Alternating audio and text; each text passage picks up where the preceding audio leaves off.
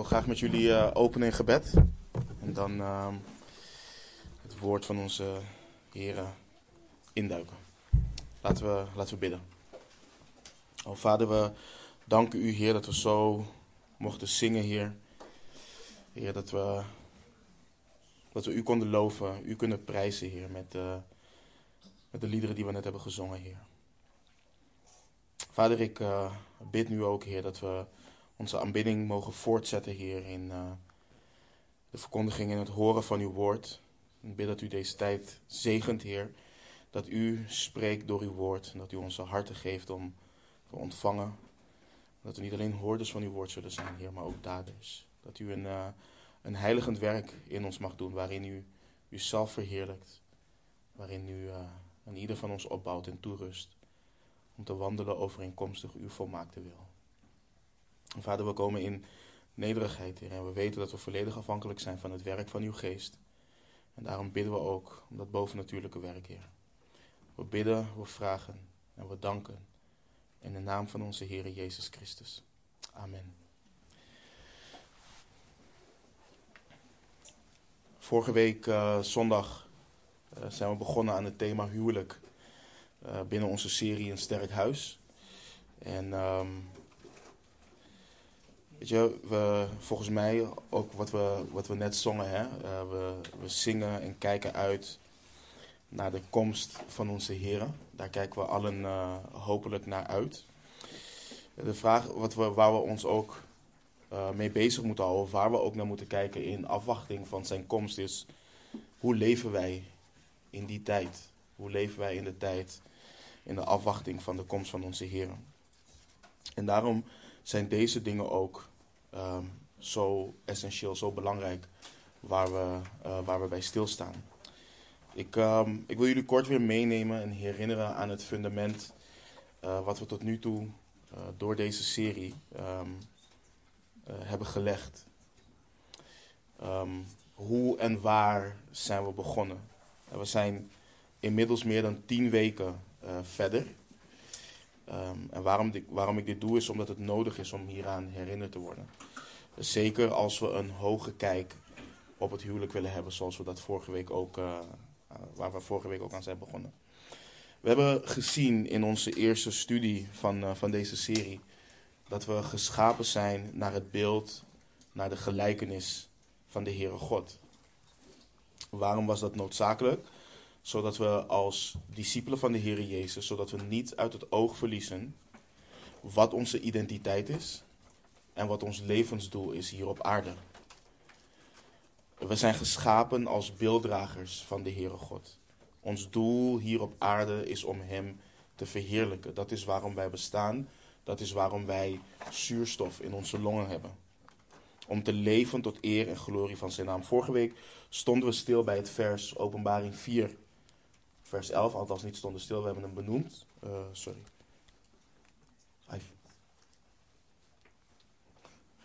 Um, even kijken of ik hem.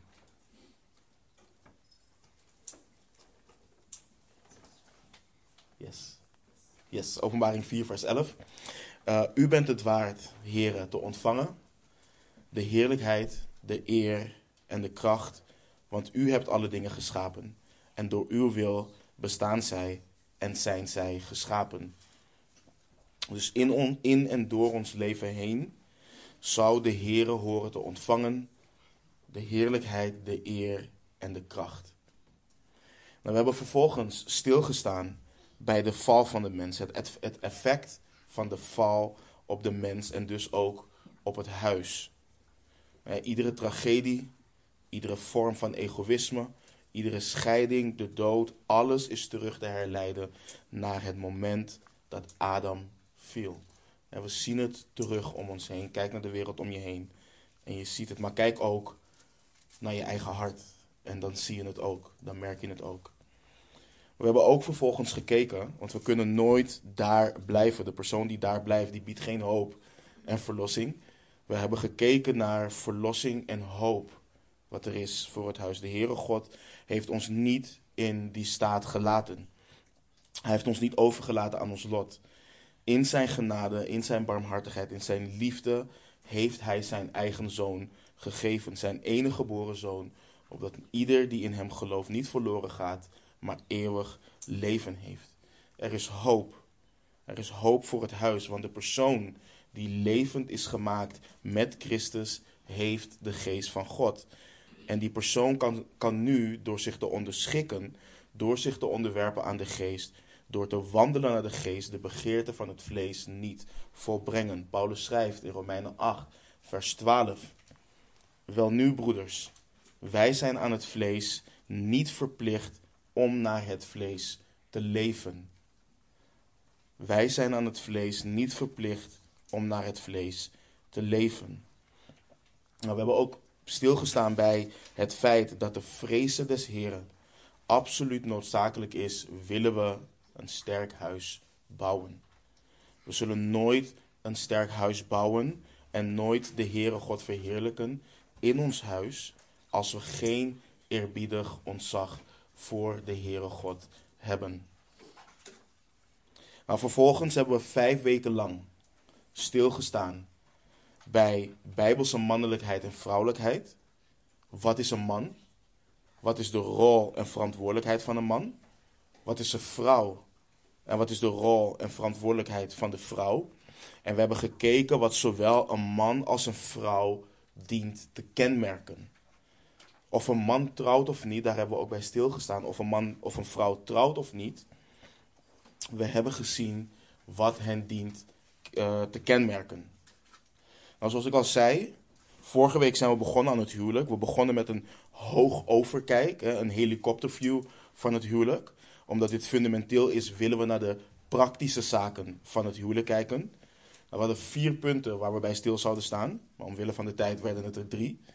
Um, willen we een hoge kijk op het huwelijk. Dan moesten we weten, één, dat de Heere God de schepper is van het huwelijk. Dit bepaalt je huwelijk.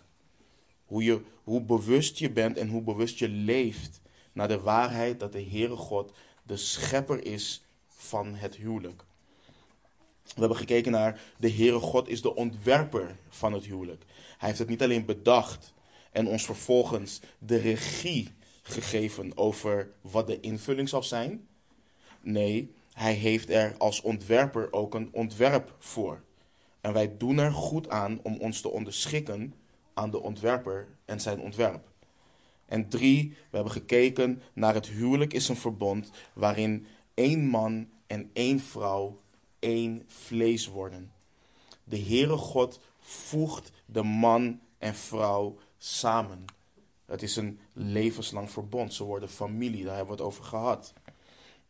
Nou, vandaag gaan we kijken naar het vierde punt. Gaan we stilstaan bij het vierde punt. Ik denk niet dat we vandaag, net zoals jullie gewend zijn, minimaal een uur zitten. Maar we zullen zien hoe de Heer het zal leiden. Maar ons punt waar we vandaag bij gaan uh, stilstaan, is dat het huwelijk getuigt van iets groters. Iets diepgaander. En laten we samen Efeze 5 vanaf vers 22 lezen. Ik heb hem niet op het scherm. Ik heb wel de uh, verwijzing. Dus Efeze 5 vers 22 en we lezen tot vers 33. Alhoewel onze focus ligt op vers 32 is het goed om het hele stuk te lezen. Dus Efeze 5 vers 22 tot en met 33. Paulus schrijft onder leiding van de Heilige Geest. We lezen het woord van de Heer. Vrouwen, wees uw eigen mannen onderdanig zoals aan de Heer. Want de man is hoofd van de vrouw, zoals ook Christus hoofd van de gemeente is. En hij is de behouder van het lichaam. Daarom, zoals de gemeente aan Christus onderdanig is, zo behoren ook de vrouwen in alles hun eigen mannen onderdanig te zijn. Mannen, heb uw eigen vrouw lief, zoals ook Christus de gemeente lief gehad heeft en zich voor haar heeft overgegeven, opdat hij haar zou heiligen door haar te reinigen met het waterbad door het woord, opdat hij haar in heerlijkheid voor zich zou plaatsen, een gemeente zonder smet of rimpel of iets dergelijks, maar dat zij heilig en smetteloos zou zijn. Zo moeten de mannen hun eigen vrouwen liefhebben als hun eigen lichamen. Wie zijn eigen vrouw lief heeft, heeft zichzelf lief. Want niemand heeft ooit zijn eigen vlees gehaat, maar hij voedt en koestert het, zoals ook de Heere de gemeente. Want wij zijn leden van zijn lichaam, van zijn vlees en van zijn gebeente. Daarom zal een man zijn vader en moeder verlaten en zich aan zijn vrouw hechten, en die twee zullen tot één vlees zijn. Dit geheimenis is groot, maar ik spreek met het oog op Christus en de gemeente. Kortom, ook u moet, ieder in het bijzonder, uw eigen vrouw net zo lief hebben als uzelf, en de vrouw moet ontzag hebben voor haar man. Amen. De reden, en ik durf dit onbeschaamd te zeggen, de reden dat veel christelijke huwelijken lijken op huwelijken in en van de wereld, is omdat veel christenen, net zoals de wereld, geloven dat het huwelijk om hen draait. De reden dat veel christelijke huwelijken lijken op huwelijken in en van de wereld, is omdat veel christenen, net zoals de wereld, geloven dat het huwelijk om hen draait. Zij geloven dat het bestaat om hunzelf te dienen. Dat zij hun eigen wensen, hun eigen gevoelens, dat dat centraal staat in het huwelijk. En waardoor dit komt is vaak een oppervlakkige kijk op waar het huwelijk van spreekt. Onze Heer Jezus, hij sprak in veel gelijkenissen. En de Heere God gebruikt in en door het woord veel gelijkenissen en veel beeldspraak. Nou, we zien in het Oude Testament uh, veel praktijken, veel geboden en meer ontstaan die uiteindelijk een voorschaduw waren van wat in Christus volledig geopenbaard zou worden.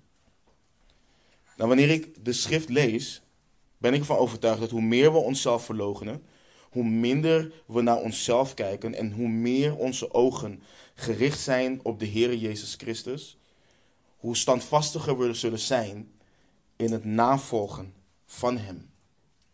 En dit geldt ook voor ons huwelijk, dit geldt voor onze huwelijken. Net voordat we het avondmaal gingen nuttigen vorige week, zei ik: Het is niet, wat ons, het is niet onze liefde wat een huwelijk in stand houdt. Het is het verbond, de samenvoeging van de Heere God, wat ons liefde in stand houdt en doet groeien. En waarom het belangrijk is om hier bewust van te zijn, is om te voorkomen dat we een vleeselijk, geromantiseerd beeld hebben van het huwelijk. Maar dat we geestelijk zullen kijken naar het huwelijk. En begrijp me niet verkeerd, we hebben het hier niet over het feit dat er geen affectie hoort te zijn in het huwelijk. We hebben het hier niet over het feit dat we niks jegens elkaar horen te voelen, daar hebben we het niet over. Maar we hebben het erover dat onze gevoelens niet primair zijn. Ze zijn niet doorslaggevend in het instand houden van onze huwelijken. Daar hebben we het over. Efeze 5, vanaf vers 22 tot en met 33, gaan we nog uh, ontleden in onze serie. Maar begrijp goed wat de apostel Paulus doet. vanaf hoofdstuk 4 in de brief aan de Efeziërs begint dit allemaal. En, en, let namelijk op wat zo prachtig is. Dus we zien, wat zien we bijvoorbeeld in hoofdstukken 1 tot en met 3? Als je dat allemaal in, laat me het even noemen, bullets zou zetten. We zien als eerste de wortel van ons geloof. Dat zien we als eerste. We zien wat centraal staat, het werk van Christus. Dat is wat we zien in de eerste drie hoofdstukken. Wat zien we nog meer? Onze geestelijke rijkdom in Christus. Gezegend met alle zegen in de hemelse gewesten. We zien onze positie in Christus als christenen. We zien hoe God ons ziet in Christus. We zien ons erfgoed in de Heer Jezus Christus. We zien het werk van Christus in ons. Als je hoofdstuk 1 tot en met 3 goed leest. Je ziet wie wij zijn in Christus. Dus onze identiteit. En wat kenmerkt die eerste drie hoofdstukken? Het zit vol met doctrine. Het zit vol met doctrine en het fundament is wie God is, wat Hij heeft gedaan in Christus en wat daaruit voortvloeit. En dan heb je hoofdstukken 4 tot en met 6. En wat staat daarin centraal? Niet de wortel, maar de vrucht wat voortkomt uit de wortel. Dat is wat centraal staat. Niet onze positie in Christus, maar onze wandel wat dient voor te vloeien uit onze positie in Christus. Niet hoe, niet hoe God ons ziet in Christus, maar hoe de wereld naar ons kijkt omdat we in Christus zijn. Niet ons erfgoed in Christus, maar ons leven hier en nu in Christus. Niet het werk van Christus in ons, maar het werk van Christus door ons. En niet, wij, niet wie wij zijn in Christus, maar Christus zichtbaar in ons, naar elkaar en naar de wereld toe. De theologie, de doctrine, uit zich in ons handelen en wandelen. Dat is wat je ziet. En wat, wat doet Paulus in hoofdstuk 4, vers 1? Zo roep ik, de gevangenen in de Here, u op tot een wandel die de roeping waarmee u geroepen bent waardig is. En let goed op wat er staat. Dit is zo fundamenteel voor die hoge kijk op het huwelijk. Paulus roept jou en mij op tot een wandel die de roeping waarmee we geroepen zijn waardig is. Dit is niet iets wat onbekend is bij Paulus, hij doet het niet alleen in deze brief.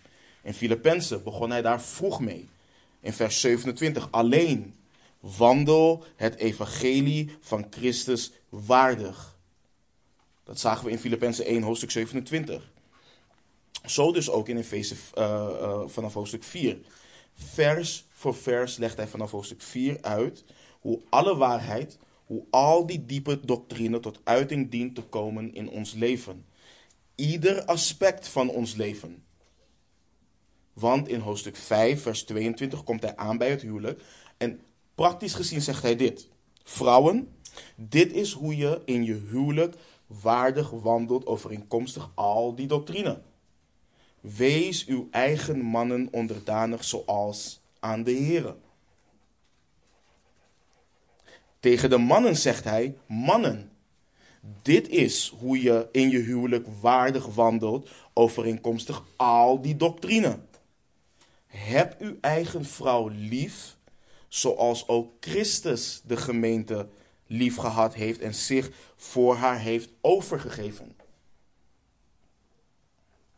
Dus hij geeft de vrouwen de reden waarom zij dienen te doen waartoe hij hen oproept. Hij geeft de mannen de reden waarom zij dienen te doen waartoe hij hen oproept. En dat doet, en dat doet uh, Paulus iets uh, wat laat zien, ook al is dit fundamenteel voor jullie wandel en voor jullie huwelijk op aarde. Dit gaat om veel meer. Dus dit is fundamenteel voor je huwelijk. Maar dit gaat om veel meer. En dan heb je Efeze 5, vers 30 tot en met 32. Want wij zijn leden van zijn lichaam, van zijn vlees en van zijn gebeente. Daarom zal een man zijn vader en, en, en moeder verlaten en zich aan zijn vrouw hechten. En die twee zullen tot één vlees zijn. Dit geheimenis is groot, maar ik spreek met het oog op Christus en de gemeente. Hij laat zien dat de verbinding, de verbintenis van man en vrouw, dus tussen man en vrouw, spreekt van een grote verbintenis tussen Christus en zijn kerk. Wij als kerk, wij als lichaam, zijn leden van zijn lichaam. We zijn van zijn vlees en van zijn gebeente. En dan citeert hij waar wij zoveel bij hebben stilgestaan, omdat dit vers fundamenteel is voor het huwelijk. Maar hier in vers 32 laat hij zien dat het van iets groter spreekt. Hij schrijft: Dit geheimenis is groot, maar ik spreek met het oog op Christus en de gemeente. Nou, wat bedoelt Paulus met het woord geheimenis? Dit woord is heel belangrijk om te begrijpen, omdat dit woord zorgt voor veel valse doctrine en een hele slechte benadering tot de schrift. Kijk, een mysterie, een geheimenis, betekent niet iets wat, waar sommigen een speciale verlichting voor hebben. Dat is niet waar dit van spreekt. Dit is bijvoorbeeld iets, dat is bijvoorbeeld iets wat de gnostici, die de apostel Johannes verwerpt met zijn evangelie en zijn brieven deden.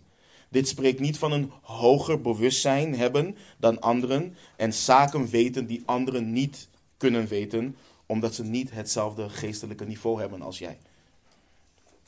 Dit Griekse woord spreekt in de schrift van iets wat onbekend gebleven zou zijn als de Heere God het niet had geopenbaard. Dat is waar het van spreekt. Het spreekt van Gods raadsbesluiten die ooit verborgen waren, maar God heeft ze geopenbaard in bijvoorbeeld het evangelie. Dat is waar dit van spreekt. Dus eerst werd het huwelijk gezien als volgt. Simpelweg zoals we lezen: Een man verlaat zijn vader en zijn moeder. Hij hecht zich aan zijn vrouw. Die twee zullen tot één vlees zijn. Dus dat was voor de mensen de betekenis van het huwelijk. Maar de Heere God openbaart door de apostel Paulus heen. Het spreekt niet zomaar primair van alleen die menselijke verbintenis. Het spreekt niet zomaar en primair van twee mensen die bij elkaar komen. Nee, het spreekt primair van de verbintenis van Jezus Christus en de kerk, zijn lichaam, zijn gemeente. Zoals een man is voor zijn vrouw, zoals een vrouw is voor haar man, zo is de kerk voor Christus. Het huwelijk is een weerspiegeling van het geheimenis van de vereniging tussen Christus en zijn kerk. Het huwelijk bestaat primair om de verbondsliefde tussen Christus en zijn kerk te weerspiegelen. Het is niet het christelijke huwelijk wat hier het doel en de standaard is. Het doel en de standaard is de verbintenis tussen Christus en de gemeente. Dat is wat centraal staat. Nu is de vraag: hoe en waarom geeft het weten dat het huwelijk van dit spreekt, van de verbondsliefde tussen Christus en zijn, uh, zijn kerk, een hoge kijk op het huwelijk? Nou, omdat het ons dwingt, hopelijk, want in de voorbereiding dwingt het mij om dat te doen en ik hoop dat het ons ook dwingt, maar om, omdat het ons dwingt om te onderzoeken en toe te passen hoe Christus de kerk heeft liefgehad. Het dwingt ons om te onderzoeken wat de kerk jegens haar hoofd dient te zijn. Het dwingt ons en maakt ons bewust van het feit dat ik mijn huwelijk niet kan scheiden van het verlangen wat ik uitspreek om de Heere God te verheerlijken in mijn leven. Want dat is wat er vaak gebeurt. Wat doen we? We duiken de schrift in en onderzoeken wat de schrift zegt over hoe bijbels een gemeente te zijn. En iedereen probeert zich aan die standaard te houden. We duiken de schrift in en onderzoeken wat God zegt over hoe we werknemers dienen te zijn. We duiken de schrift in en onderzoeken wat de schrift zegt over hoe we onze ongelovige familieleden, vrienden, buren, etc. dienen lief te hebben. Al die dingen doen we. We zijn ons ervan bewust dat er veel in ons zit waarvan we ons dienen te bekeren op die vlakken die ik net opnoemde. Maar het is alleen in het huwelijk en alleen in de opvoeding waar we het toelaten dat ons karakter een excuus mag zijn waarom we de Heere God niet verheerlijken in ons huwelijk. En dit beeld, dit beeld herinnert me aan een aantal dingen. We gaan daar naar kijken. Eén, de liefde van Christus voor zijn kerk. De liefde voor Christus, de liefde van Christus voor zijn kerk. Het herinnert me aan het volgende ook. Genade is onmisbaar in het huwelijk. Genade is onmisbaar in het huwelijk. En drie, mijn noden voor heiliging door de Heere God voor een goed huwelijk. Voor een Godverheerlijkend huwelijk. Dus de liefde van Christus voor zijn kerk. Genade is onmisbaar in het huwelijk. En mijn eigen noden voor heiliging in dit alles. Laten we kijken bij het eerste. Wanneer ik door het huwelijk herinnerd word aan het beeld van Christus en de gemeente, dan dwingt het mij om te denken hoe de verbindenis van Christus en de kerk tot stand is gekomen. De liefde van de Heere God. Het is het meest geciteerde vers in, uh, in het Nieuwe Testament. En we kunnen het zo makkelijk citeren, maar dit vers gaat zo diep. En het is een bodemloze oceaan waarin je kunt zwemmen. Johannes 3:16. Want zo lief heeft God de wereld gehad, dat hij zijn enige geboren zoon gegeven heeft, opdat ieder die in hem gelooft niet verloren gaat, maar eeuwig leven heeft. Zo lief heeft God de wereld gehad dat hij zijn enige geboren zoon gegeven heeft. Dat ieder die in hem gelooft niet verloren gaat, maar eeuwig leven heeft. Romeinen 5, vers 8. God echter bevestigt zijn liefde voor ons daarin dat Christus voor ons gestorven is, toen wij nog zondaars waren. God echter bevestigt zijn liefde voor ons daarin dat Christus voor ons gestorven is, toen wij nog zondaars waren. Weet je waar dit vers tegen beschermt? Wanneer je door moeilijkheden heen gaat, dat je God niet kan vragen, Heer, maar hebt u mij wel lief? Daar beschermt dit vers tegen. Want dit vers leert ons, God bevestigt zijn liefde voor ons daarin dat Christus voor ons gestorven is toen wij nog zondaars waren. 1 Johannes 4, vers 9 tot en met 10. Hierin is de liefde van God aan ons geopenbaard. Hoe? Dat God zijn enig geboren zoon in de wereld gezonden heeft, opdat wij zouden leven door hem. Hierin is de liefde. Niet dat wij God lief gehad hebben, maar dat Hij ons heeft lief gehad en zijn zoon zond als verzoening voor onze zonden. Maar wat is de toepassing hiervan? Wat is de toepassing hiervan? Vers 11. Geliefden, als God ons zo lief had, moeten ook wij elkaar lief hebben. Ik lees hem vanaf vers 9 weer. En dan hoor je gewoon hoe dat in elkaar overvloeit. Hierin is de liefde van God aan ons geopenbaard. Dat God zijn enige geboren zoon in de wereld gezonden heeft, opdat wij zouden leven door hem. Hierin is de liefde. Niet dat wij God lief gehad hebben, maar dat Hij ons heeft lief gehad en zijn zoon zond als verzoening voor onze zonden. Geliefden, als God ons zo lief had, moeten ook wij elkaar lief hebben. Nou, wat is de liefde die Johannes en apostel uh, Paulus omschrijven? Nou, we hebben tien weken lang hebben we stilgestaan bij Bijbelse liefde. Die studies staan online om te luisteren.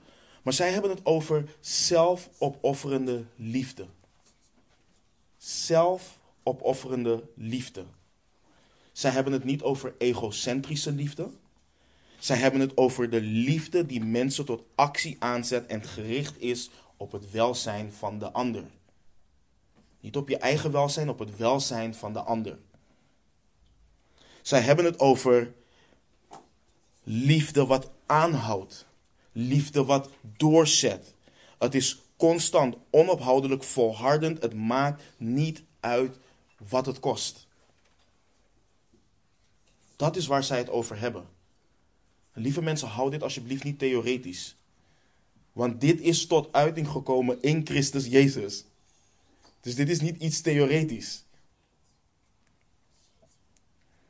Christus heeft zichzelf gegeven. Hij heeft zichzelf vrijwillig gegeven voor de kerk. God nam het initiatief. Hij koos om lief te hebben. Hij koos ervoor om jou en om mij lief te hebben. En dit is zo nederigmakend, omdat ik niet kan roemen en het idee kan hebben dat ik goed genoeg was om zijn liefde te ontvangen. Maar ik hoef ook geen complex te hebben dat de vuilheid van mijn zonde zo groot is om zijn liefde te kunnen ontvangen. Mijn zonde was groot, zijn liefde was groter. Ik was vuil en zijn liefde was mijn, was mijn schoon. En hij had en heeft mij en jou lief, omdat hij het wilt. En dit is een bemoediging voor een ieder van ons. Als je blijft worstelen met de vraag. Als jij worstelt met de vraag waarom God je lief heeft, rust in het feit dat hij het doet omdat hij liefde is en omdat hij het wilt. Omdat hij het wilt. Iets anders dan dat is God een leugenaar maken. Als wij zeggen, God, u kunt mij niet lief hebben, dan maak je God tot een leugenaar.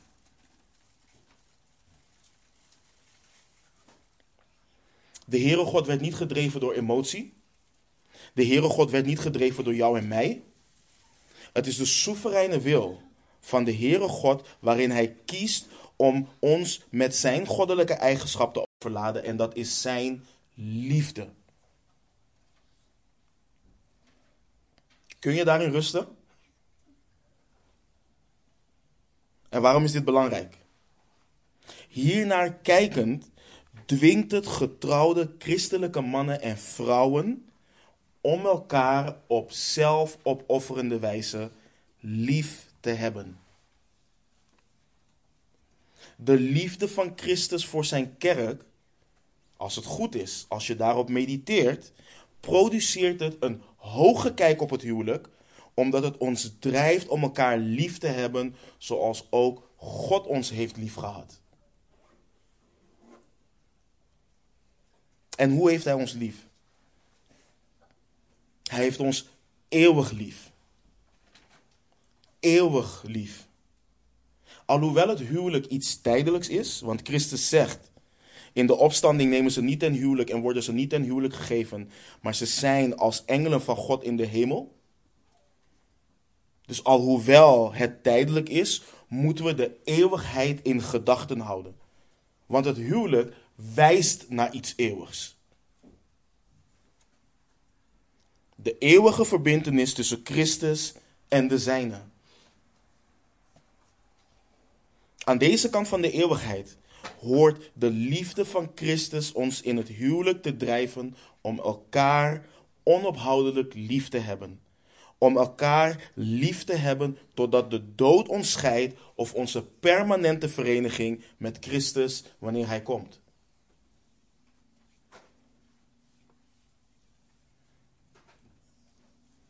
Een volgende. Hij heeft ons op heilige wijze lief heilige wijze lief. Gods liefde is puur. Er is geen kwaad in zijn liefde. Zijn liefde is niet zelfzuchtig. Zijn liefde is niet egoïstisch. Er is geen schaduw van duisternis te vinden in de pure liefde van God. Zijn liefde buit niet uit. Zijn liefde is niet wispelturig. Man kan opstaan en vandaag denken: ik heb vrouw niet lief. Vrouw kan vandaag opstaan en denken: ik heb man niet lief. Gods liefde is niet wispelturig. Het is niet liefde, het is geen liefde als de liefde van de mens. Zijn liefde zoekt wat goed is voor de ander. Zijn liefde verheerlijkt hem en zegent de ontvanger van de liefde.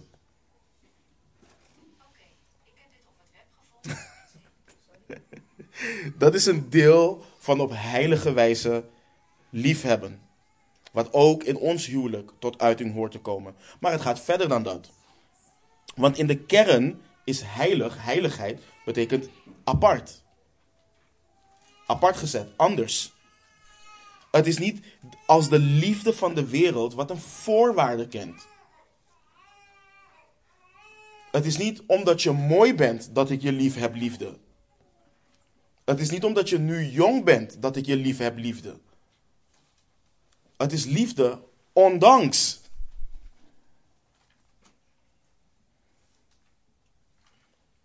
Hij kent, het kent geen voorwaarden, het is anders. Hij heeft lief omdat hij liefde is. Als we hierbij stilstaan, Niemand van ons zal vandaag hopelijk zeggen, zoals Israël heeft gedaan in de woestijn: De Heere God heeft ons uit Egypte geleid en hier gebracht omdat Hij ons haat. We kennen die uitspraak van Israël. Wij weten dat Hij ons lief heeft in en door moeilijkheden. En dat die moeilijkheden die Hij toelaat in ons leven geen teken zijn van een gebrek aan Zijn liefde voor ons. Nee, sterker nog, we worden gedragen door Zijn liefde in en door die moeilijkheden. Broeders en zusters, geef dit geen hoge kijk op het huwelijk, als we het daarop toepassen. Want als het moeilijk wordt in mijn huwelijk, of wanneer mijn partner mij ergens op aanspreekt, waarom zou ik dan denken, kijkend naar het voorbeeld van Israël, dat mijn partner dat doet omdat mijn partner mij niet lief heeft? Waarom zou ik denken dat mijn partner vandaag gewoon wakker is geworden om mij te tergen, om mij te teisteren, door mij te corrigeren?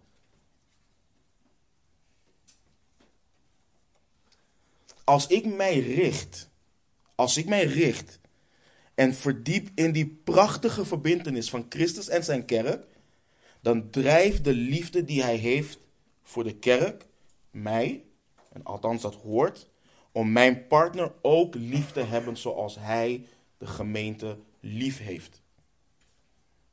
Eeuwig, voor zover eeuwig aan deze kant van de eeuwigheid duurt. En heilig, zoals hij op heilige wijze lief heeft. Dus, de liefde van Christus voor zijn kerk.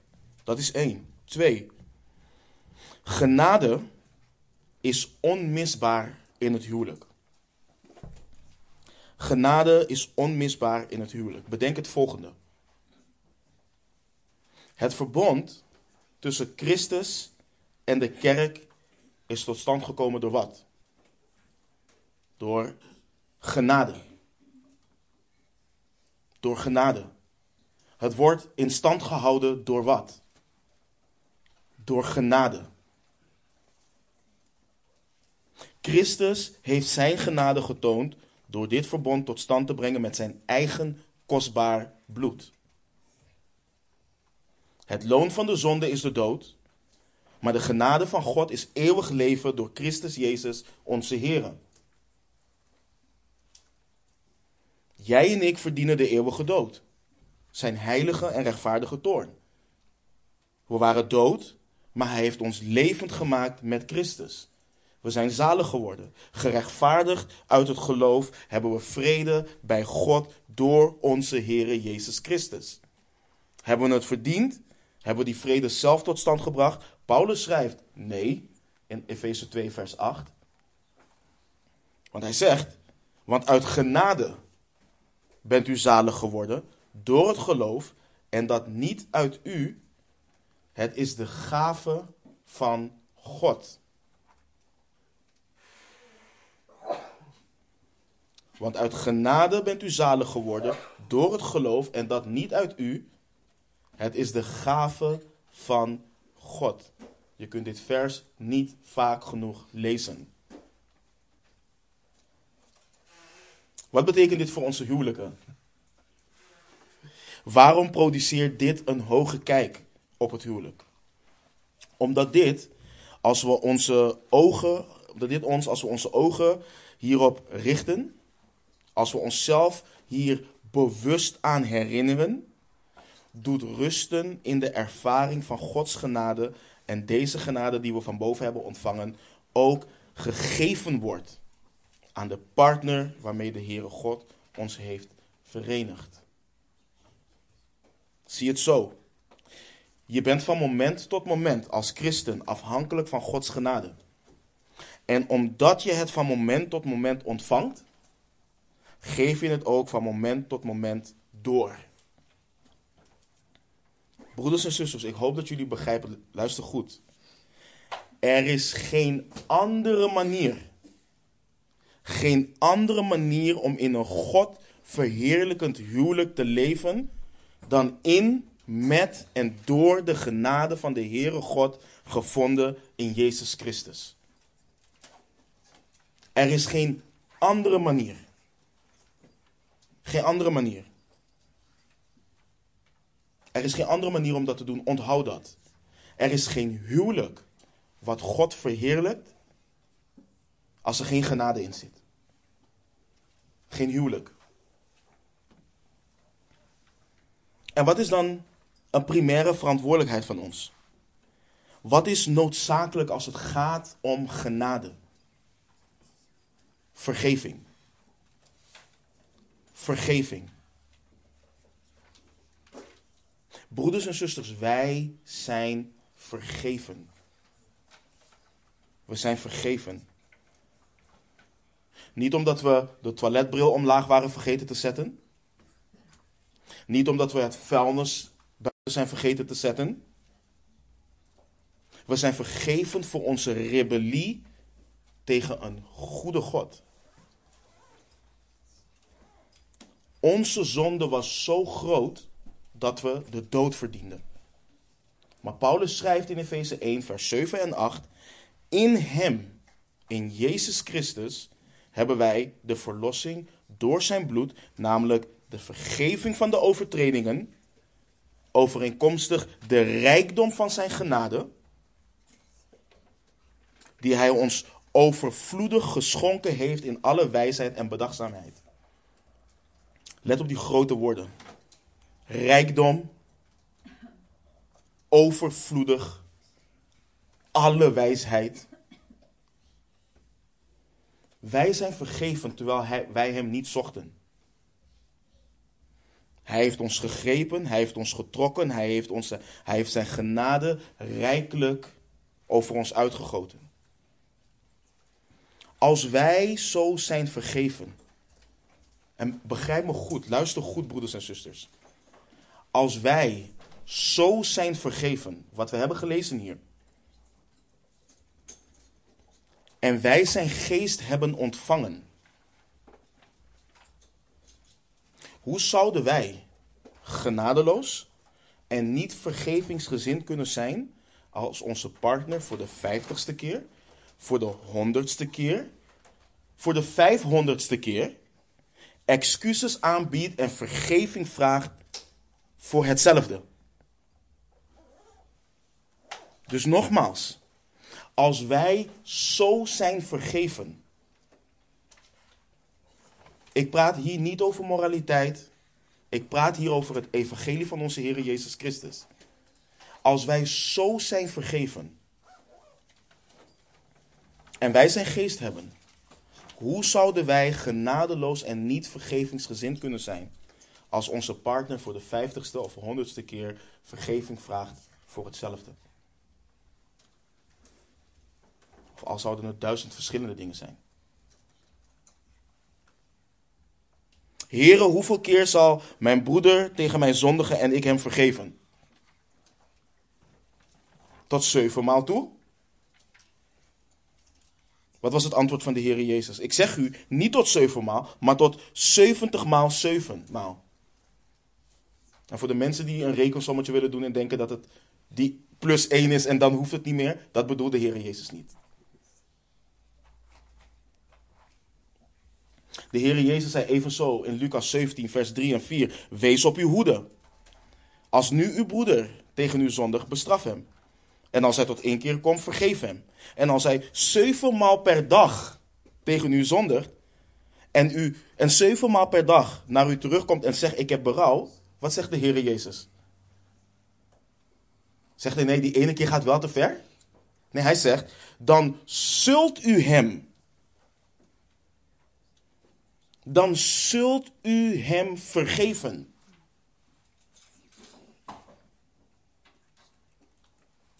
Voor de mensen die er niet waren, afgelopen woensdag hadden we het over geboden. over dingen die mogen of moeten. Dit moet.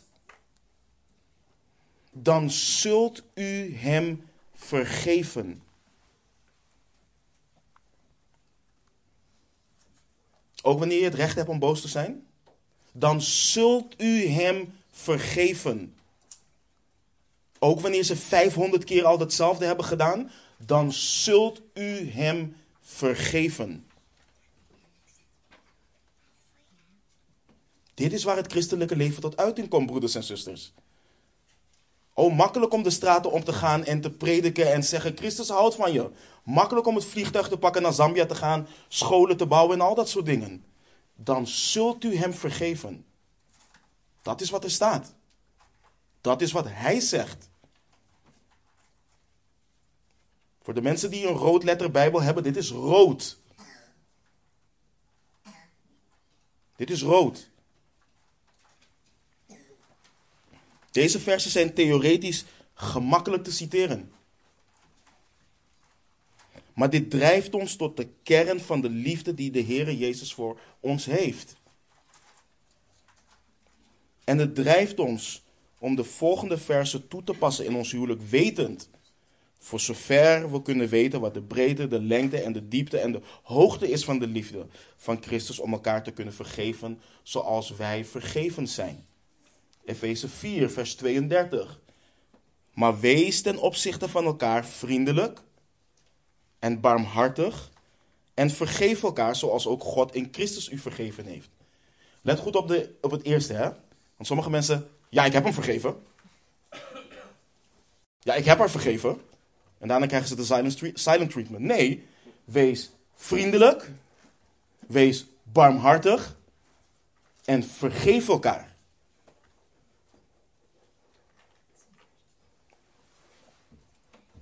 Colossense 3, vers 13. Verdraag elkaar en vergeef de een de ander. Als iemand tegen iemand anders een klacht heeft. Heb je een klacht tegen je partner? Zoals ook Christus u vergeven heeft. Zo moet ook u doen. Zo moet ook u doen.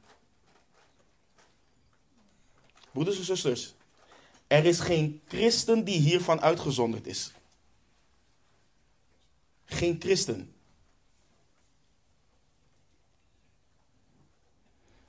Genade is onmisbaar in het huwelijk. Het is onmisbaar. Van moment tot moment, doen wij als discipelen, als individuen, doen wij een beroep op Gods genade. Van moment tot moment. Wij leven door zijn genade. Zijn genade is de basis van dit verbond. Laat die genade ook de basis zijn van het huwelijksverbond wat je bent aangegaan. Hieraan moeten we denken. De Heere Jezus gaf zijn leven. Wij dienen onze wil op te geven. Onze eigen wil. Wij dienen zelf op te geven. Hij werd gekruisigd, wij dienen onszelf. Wij dienen ons vlees te kruisigen. In onze vereniging met Christus zijn we samengevoegd aan Hem die perfect, zonderloos en smetteloos is. Maar in onze vereniging met elkaar als man en vrouw worden twee zondaars bij elkaar gebracht onder de genade van Christus met levenslange bagage. Luister, als je elkaar hè, hebt leren kennen op je twintigste, op je vijfentwintigste, weet je wat een persoon al heeft meegemaakt? Weet je hoeveel bagage iemand meeneemt in dat huwelijk?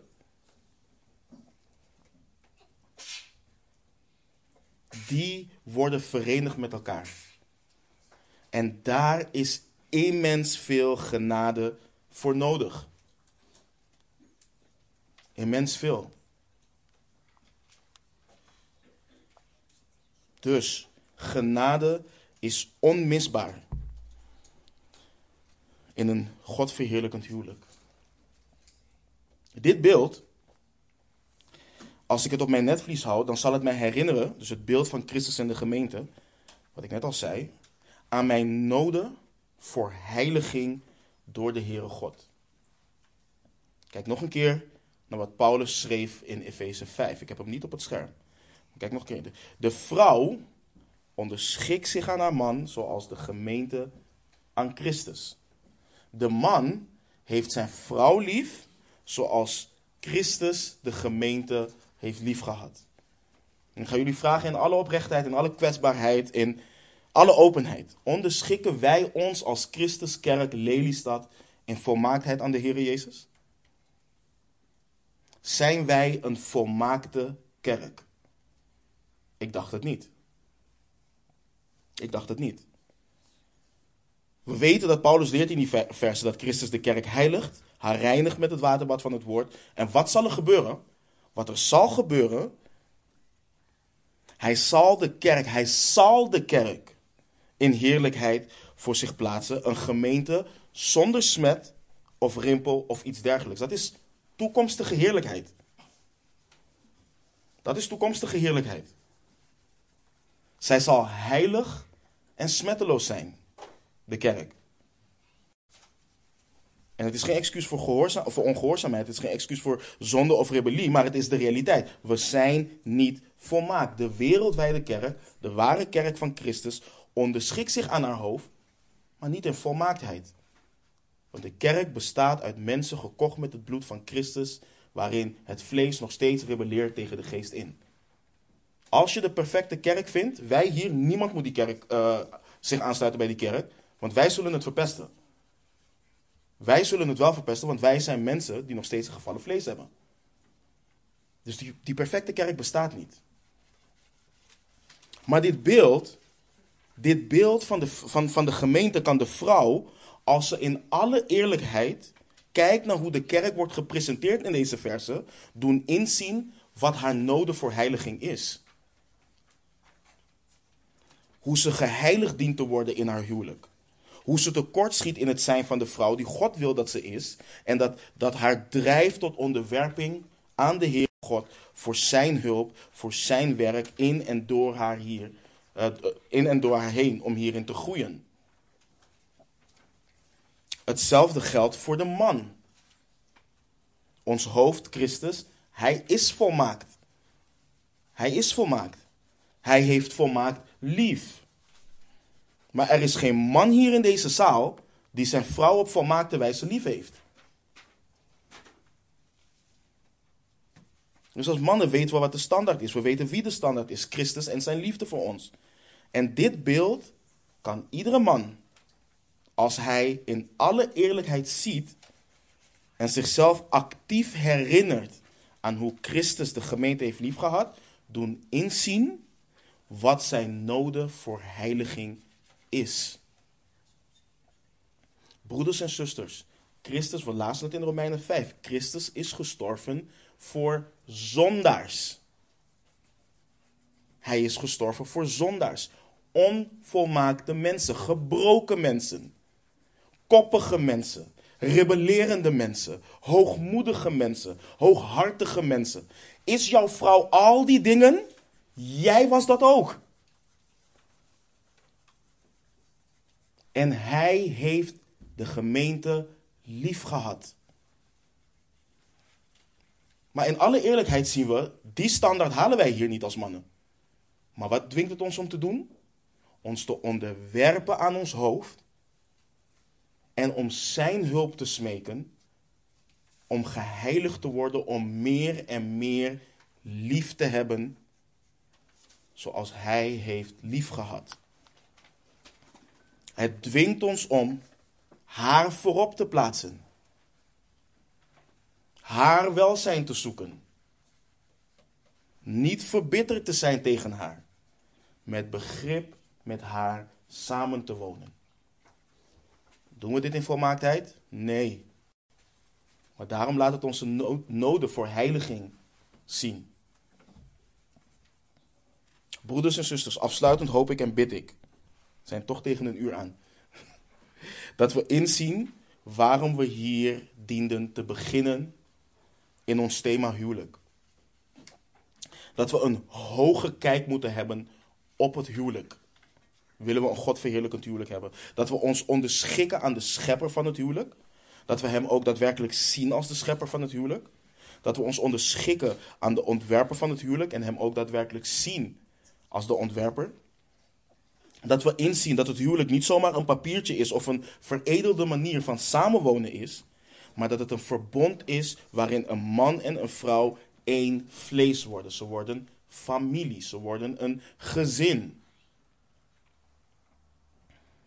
En waar we vandaag bij hebben stilgestaan, dat het spreekt van iets veel groters. Het spreekt van de verbintenis van Christus en zijn kerk. Dus als we het als individuen, maar ook als mensen die al getrouwd zijn, zijn, als wij ons richten, als ik het even zo mag zeggen, op het verticale, dan zal dat doorwerken naar het horizontale, naar elkaar. Maar als ik kijk alleen naar het horizontale, dan gaan we elkaar bijten en verslinden.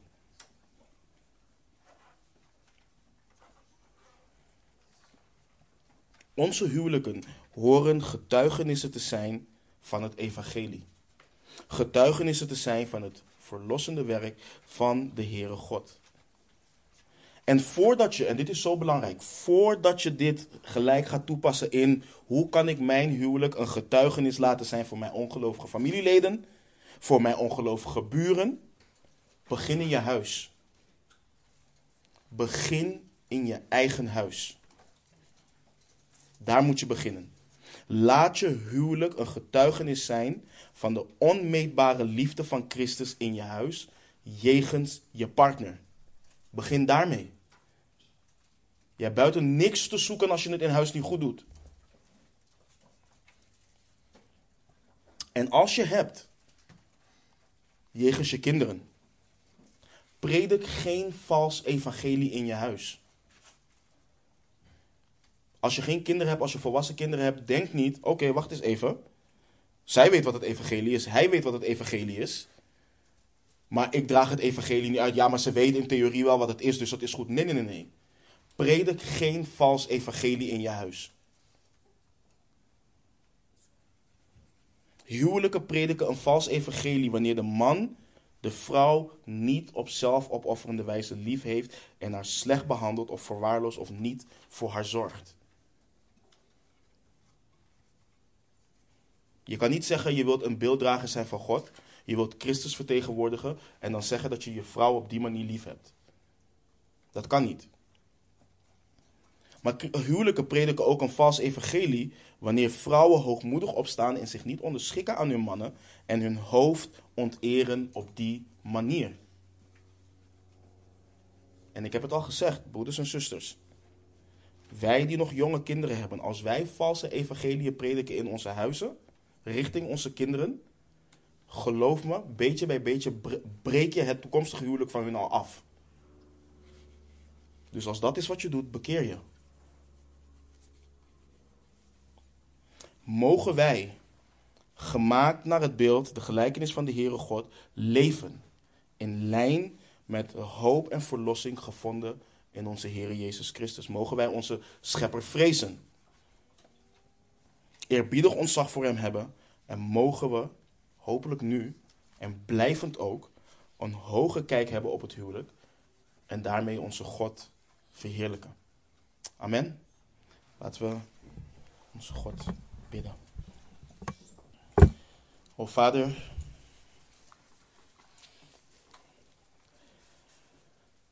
aan de ene kant brengt het vrees, Heer, om hierbij stil te staan, omdat het zo onmogelijk hoge standaard is, Heer.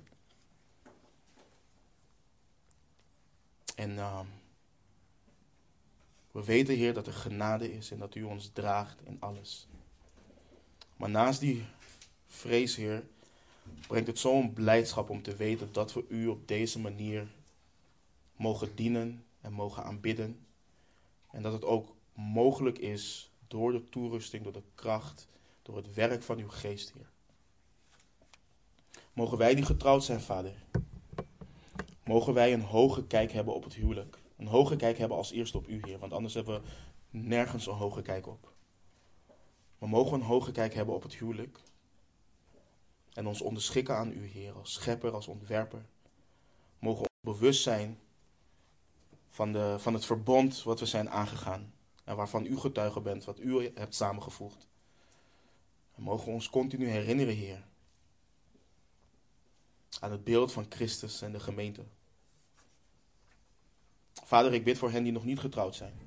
Ik bid voor hen, Heer, dat het hen mag vormen dat dit mag bepalen, Heer, dat hun huwelijk op een godverheerlijkende manier ingegaan zal worden en vervuld zal worden, Heer.